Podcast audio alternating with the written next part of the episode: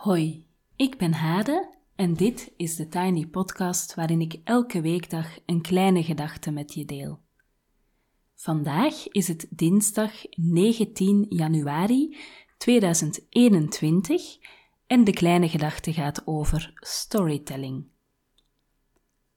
De weg naar de hel is geplaveid met goede voornemens. Dat is een bekende uitdrukking. Ik neem jullie elke dinsdag en woensdag mee op de weg van mijn persoonlijke ontwikkeling. En die weg is geplaveid met bijzondere therapieën en activiteiten. Van knuffeltherapie tot paardencoaching. Van die keer dat ik helemaal ingepakt lag in doeken, tot de ochtend dat ik een boom omarmde terwijl niemand keek. Vandaag en morgen neem ik jullie mee naar Amsterdam, waar ik een cursus storytelling heb gedaan. De rode draad in je leven op het spoor komen, je eigen thema's onder ogen zien en levenswijsheid delen. In de psychologie, filosofie en zelfs de managementwetenschappen weten ze al lang dat werken met storytelling inzicht verschaft en transformatie in gang zet. Ik trok naar Amsterdam om eigen, echt gebeurde verhalen te leren vertellen. De zon fonkelt in het water van het ei. Ik bevind me te midden van ras-echte Amsterdammers op een pont die me van Amsterdam-Noord naar het Centraal Station brengt. Het plotse gevoel van euforie doorkruist de twijfel en spanning die ik voel. Ik heb een huis, een fiets en een kat in Amsterdam geleend en ik ben op weg naar een cursus waar ik een week lang met een groep onbekenden ontwikkelingen en gebeurtenissen uit mijn leven ga onderzoeken om te komen tot het vertellen van echt gebeurde verhalen voor een publiek. Verhalen zijn een krachtig instrument. Sommige managers faciliteren fusies of veranderingen via storytelling technieken. In de psychologie is er een stroming, stroming die focust op het levensverhaal. Het uitgangspunt is dat we allemaal verhalen zijn. Autobiografische reflectie helpt om thema's en patronen in het eigen leven te herkennen. In het vertellen van een verhaal komen reflectie, het geven van betekenis en het vinden van zin samen. Verleden, heden en toekomst worden met elkaar verbonden. Moeilijke, zelfs traumatische gebeurtenissen krijgen een plaats en een nieuwe interpretatie. Doorheen het eigen verhaal lopen draden die je kan volgen om op het spoor te komen van wat iemand drijft, motiveert en inspireert. Je kan geen verhaal vertellen zonder dat er in doorklinkt waar je waarde aan hecht, wat je gevoeligheden zijn, wat voor jou betekenisvol is. Terug naar Amsterdam, waar ik met trillende benen het lokaal binnenstap. Heb ik wel een eigen verhaal en vooral wil ik het vertellen? De diversiteit in de groep is groot. Van mensen die werkzaam zijn in de culturele sector tot een yogaleerkracht. Van een organisatieadviseur tot een VN-medewerker.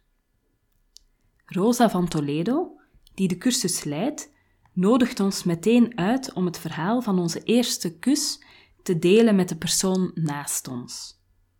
Het ijs is gebroken. Omdat wat we vertellen even universeel als intiem is. Elke gebeurtenis uit je leven herbergt een verhaal, maar sommige gebeurtenissen leiden tot een beter verhaal dan andere. Het verschil tussen een goed en een slecht verhaal is het vermogen tot reflectie van de verteller. Een verhaal is immers pas interessant als het de feitelijkheden overstijgt, als er gespeeld wordt met betekenis, inzicht, beelden en chronologie. We krijgen de opdracht om een database aan te leggen van levensgebeurtenissen die we kunnen uitwerken tot een verhaal. Negatieve emoties, zoals angst of pijn, kunnen je op het spoor van je verhaal brengen, maar ook universele thema's, zoals een eerste verliefdheid, een laffe daad of een gebroken droom. Die doen het allemaal goed. Een anekdote is leuk, maar een verhaal is rijker.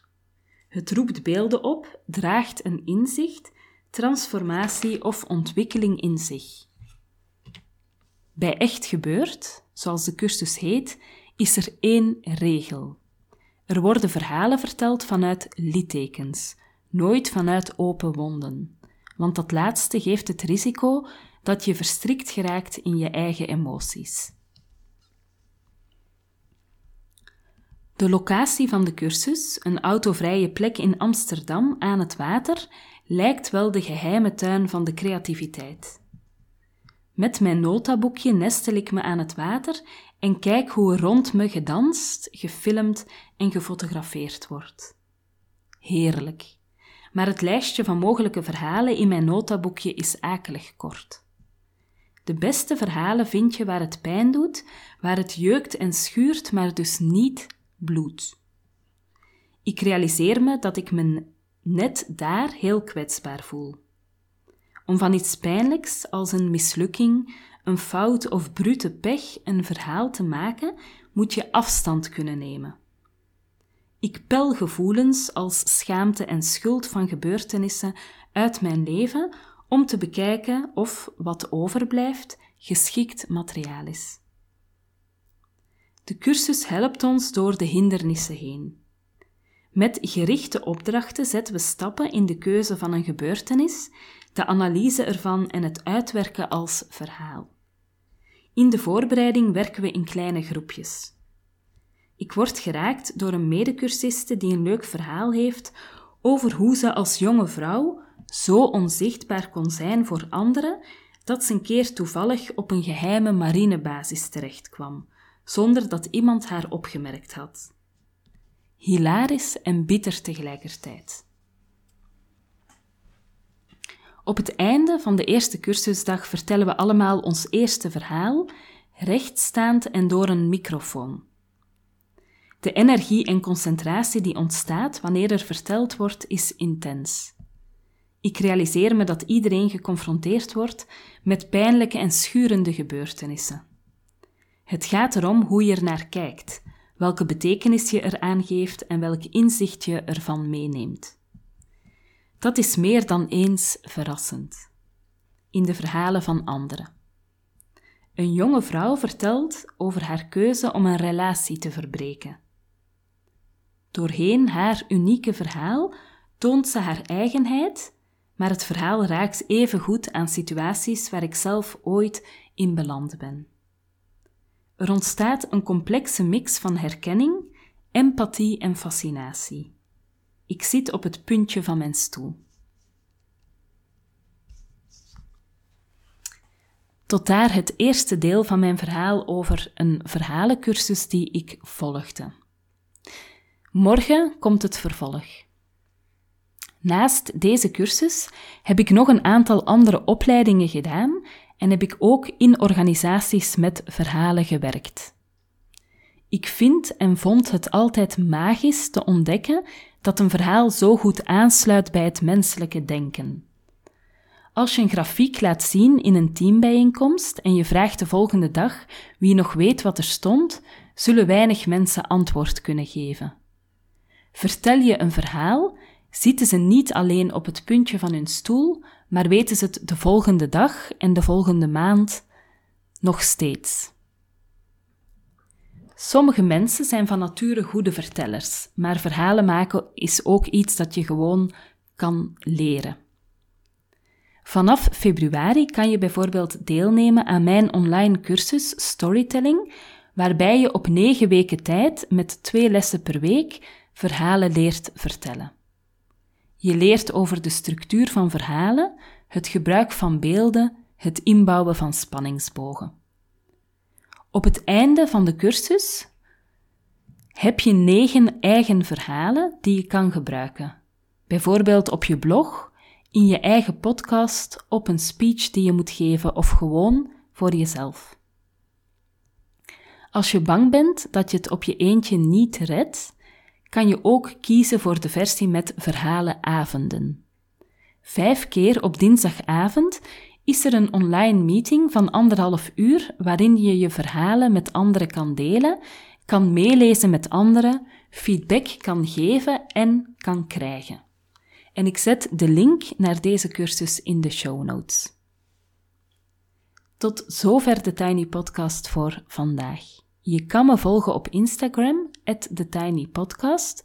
Je helpt me door deze podcast wat sterretjes te geven op iTunes, een review achter te laten en of hem door te sturen aan iemand anders die er misschien ook graag naar luistert. Abonneer je via Spotify, Google Podcasts of Apple Podcasts en zo wordt de podcast makkelijker vindbaar voor anderen. Tot morgen.